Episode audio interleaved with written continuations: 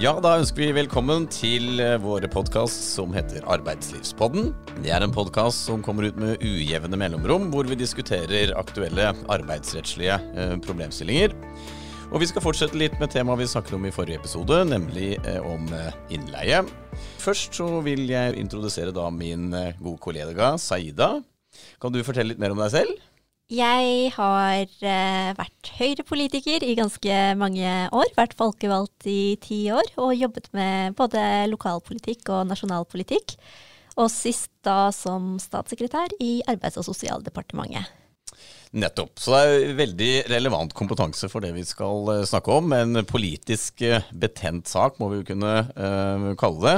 Nemlig disse omstridte forslagene eh, om da innskrenkninger i adgangen til å leie inn eh, arbeidskraft. Og som vi er inne om i i, i forrige podkastepisode, så, uh, så er det jo gjerne to uh, vesentlige endringer eller begrensninger. Uh, for det første så det innføres det da en generell begrensning som vil ramme alle som leier ut.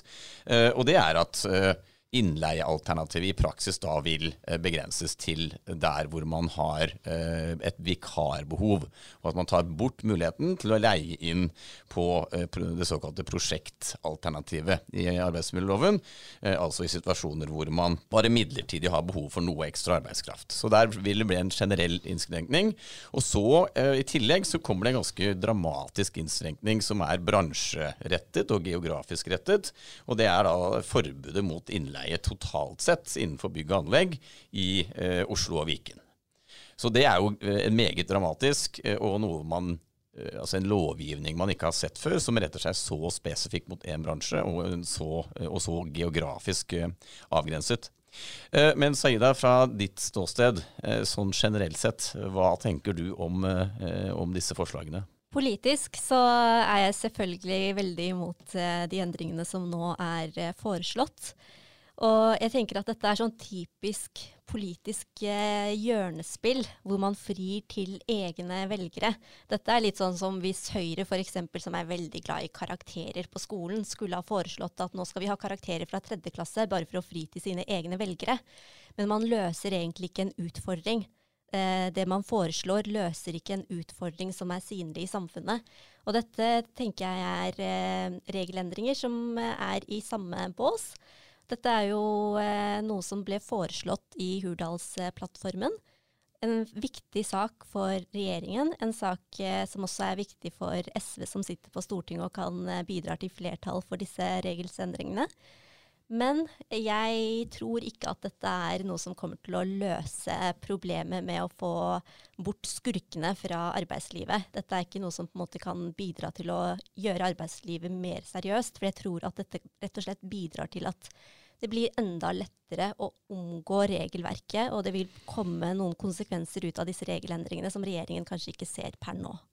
Mm. Det har vært en høringsrunde uh, nå uh, som forholdsvis nylig avsluttet. Der ble det jo pekt på dette med hva skal man si, manglende begrunnelse uh, og dybde, kan man vel si. Kan du mm, peke litt mer på hva du savner der? Ja, nå har det jo vært en høringsrunde hvor det har kommet inn veldig mange høringsinnspill. Og en god del av de er jo veldig kritisk til de foreslåtte regelendringene, og peker også på at det er juridisk uh, betenkelig. Og det som gjør at det er juridisk eh, betenkelig, det er jo eh, forbudet mot ulovlige restriksjoner på vikararbeid i vikarbyrådirektivet. Og så er det forbudet mot ulovlige restriksjoner på tjenestefriheten i EØS-avtalen, som er liksom artikkel 36 og 37. For begge disse regelsettene krever jo en grundig eh, behov for regelendringer. Man må kunne fremvise at eh, det skal på en måte eh, være allmenne hensyn som gjør at man gjør den type restriksjoner. Og i det høringsnotatet som ble sendt ut på høring, så har jo ikke regjeringen egentlig gjort en grundig vurdering av hva konsekvensene av disse regelendringene kan bli. Og man har heller ikke vurdert mindre inngripende tiltak for å oppnå samme formål. Mm. Så det er jo en klar svakhet juridisk, og man kan også stille seg spørsmål om det da på en måte står seg opp mot EØS-avtalen om lovgiver faktisk har adgang til å foreslå disse endringene, som går såpass langt uten at man har vurdert konsekvensene godt nok, og uten at man har vurdert mindre inngripende tiltak. Mm. Det er jo veldig interessant, det aspektet der i forhold til EØS-retten. Og hvor står på en måte denne saken akkurat nå? Altså Hvor er vi i prosessen? Nå er det slik at eh, nå ligger jo saken hos Arbeids- og sosialdepartementet. Unnskyld, Arbeids- og inkluderingsdepartementet, som de nå heter. For de endret jo navn etter at det kom ny regjering. Ja, Det er vel det departementet som har endret eh, navn flest ganger også? hvis jeg ikke det, tar det helt det er det. det er det.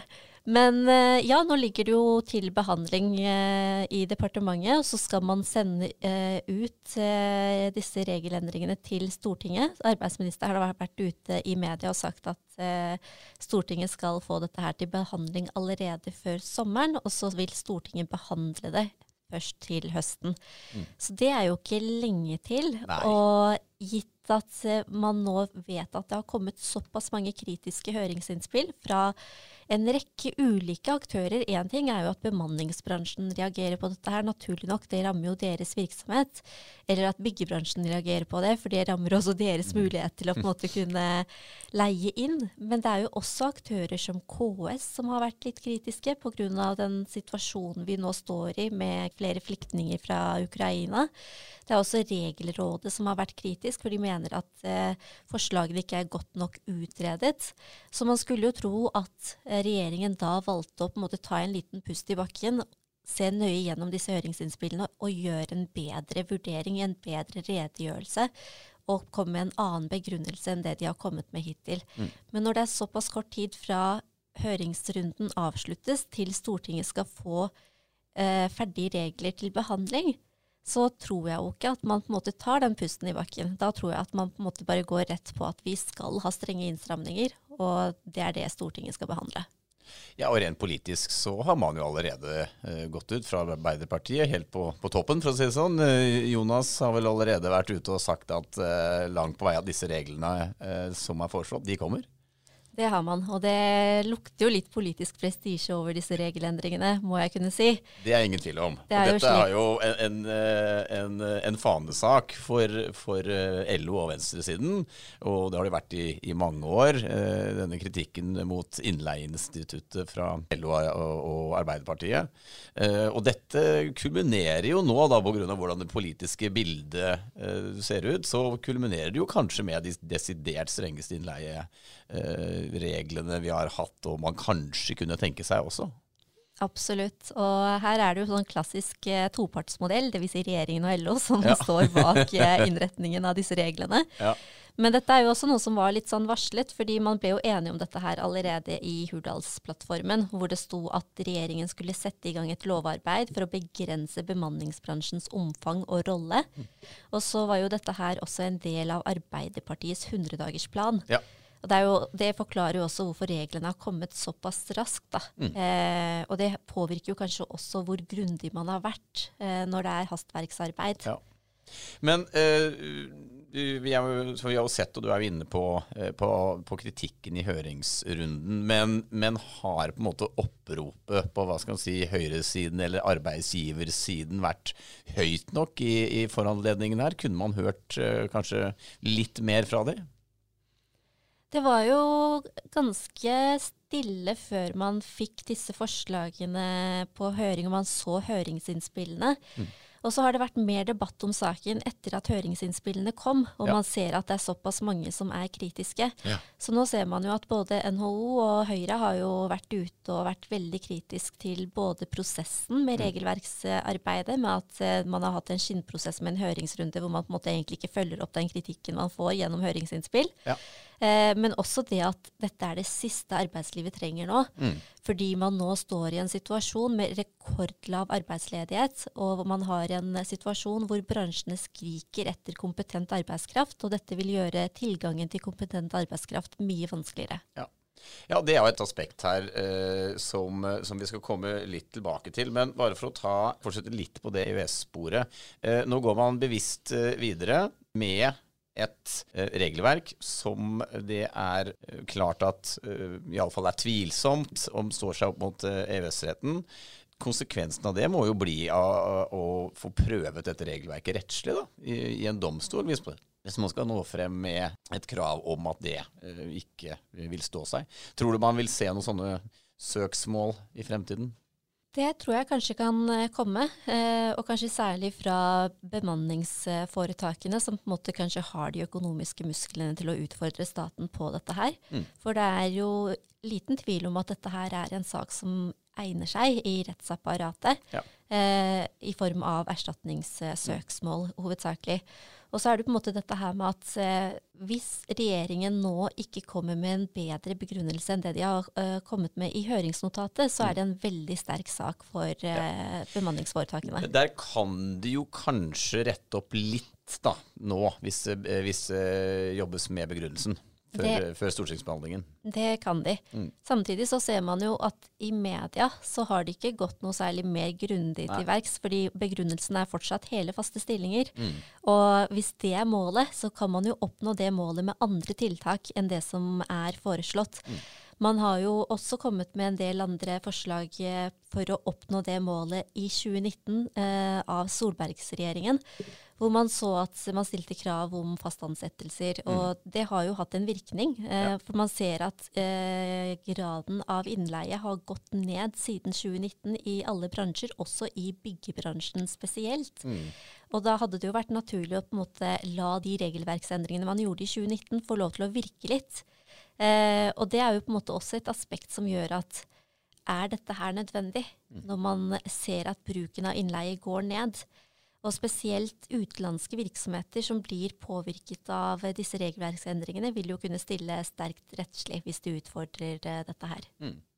Ja, det er jo uh, veldig godt poeng. Um, dette viser jo også den litt spennende balansen mellom, mellom jus og politikk her. fordi at politisk å få endret uh, innholdet her, det ser jo vanskelig ut uh, akkurat nå med det politiske bildet vi har. Men hvis det angripes uh, rettslig, og det ikke står seg i henhold til EØS-avtalen, så kan jo regelverket in the end kanskje bli endret allikevel.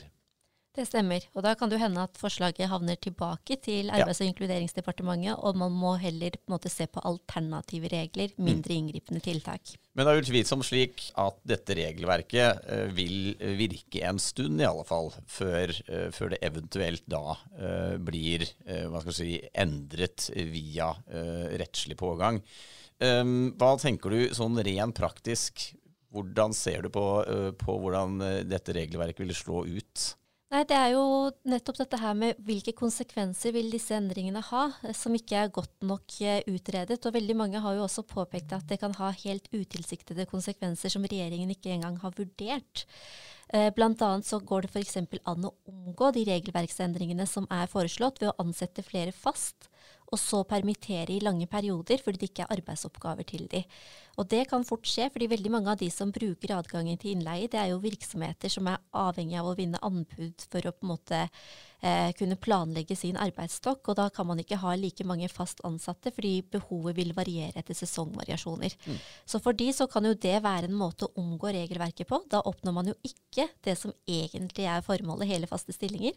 Og så får man en side inn mot eh, offentlig støtte og dagpengeregelverket som regjeringen ikke har gjort en god vurdering av. Nei, fordi det er vel nesten ikke nevnt i høringsnotatet, så langt jeg husker. Altså å se dette opp mot permitteringsinstituttet, som vil aktualiseres uh, ved denne uh, regelendringen. Nei, det har regjeringen ikke vurdert. Det regjeringen hovedsakelig har gjort i dette høringsnotatet, er jo egentlig å vise til den vurderingen man gjorde den gang vikarbyrådirektivet ble innført i Norge i 2011. Men det var jo en helt annen type regelverksendring. Det var jo en uh, annen type restriksjon enn det man står overfor nå, som er på en måte mer sånn generelt forbud. Mm. Så nettopp det gjør jo også at uh, rettslig så holder det ikke mål, da. Nei. Nei, det er lett å være eh, enig i eh, det. Eh, nå er det jo slik at bemanningsbransjen er jo, er jo stor og den er stabil, og i all hovedsak uh, så er de ansatte der ansatt eh, på faste kontrakter, og så varierer stillingsprosent.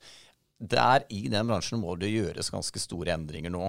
Det vil jo føre til eh, omorganiseringer og nedbemanninger i den bransjen. Mange vil rykke ut av den bransjen, da, de som er ansatt der nå fast. Hvor er det de skal eh, gå eh, i dag? Vi har jo ikke noe særlig arbeidsledighet heller, så uh, Nei, Det er jo på en måte nettopp den der matchen eh, som bemanningsforetakene har bidratt til. Det å på en måte koble arbeidssøkere opp mot eh, virksomheter som trenger arbeidskraft. Mm. Og når man på en måte ikke får den der koblingsboksen i midten, så kan det jo også være vanskeligere for eh, virksomhetene å finne arbeidssøkere, og arbeidssøkere finne relevante oppgaver. Ja, og der er det jo ingen tvil. Eh, nå skal ikke jeg snakke for varmt om bemanningsbransjen, det er ikke min, eh, min jobb. Men at bemanningsbransjen er en inngangsport for mange til arbeidslivet, det er det jo ingen tvil om.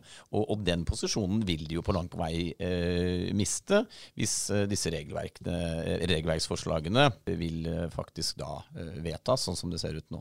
Absolutt, for man fjerner jo egentlig ett av to grunnlag for innleie med disse regelverksendringene. Så det vil jo da på en måte kun være adgang til det gjennom eh, hvis det er vikarbehov. Så det begrenser jo både bemanningsforetakenes virksomhet, og så har det jo på en måte konsekvenser ut mot en god del andre bransjer. Byggebransjen, serveringsbransjen, transportbransjen, hvor det på en måte brukes en god del innleie fordi behovet vil variere. Mm. Eh, ok, eh, Seida, tusen takk så langt. Men helt til slutt tidshorisonten når det gjelder disse regelverksendringene. Hvordan ser det ut? Det ser ut til at eh, Stortinget kommer til å få forslag til eh, lovendringer til behandling allerede før sommeren. Men de vil jo ikke rekke å behandle det før eh, de tar sin sommerferie, så saken vil behandles i Stortinget til høsten. Så mest sannsynlig så vil ikke regelverksendringene trå i kraft før 1.1.2023. Og da kan vi jo kanskje se en god del virksomheter som utfordrer dette her gjennom rettslige sporet, og at det da kanskje kan komme noen erstatningssøksmål mot staten. Det blir interessant å følge, og det blir også interessant å følge hvordan uh, bransjen og markedet vil posisjonere seg nå da frem mot uh, januar uh, 2023. der tror jeg vi vil se mange endringer i bemanningsbransjen, og spesielt hos de store aktørene. Det blir spennende å følge. Problemstillingen i seg selv er veldig spennende. Vi fortsetter å følge den, og vi har tanke om å komme tilbake med et webinar eller seminar kanskje om samme tema i nær fremtid. Så da ber vi alle om om å uh, følge med i våre sosiale medier. Tusen takk til deg, Saida, og så på gjenhør.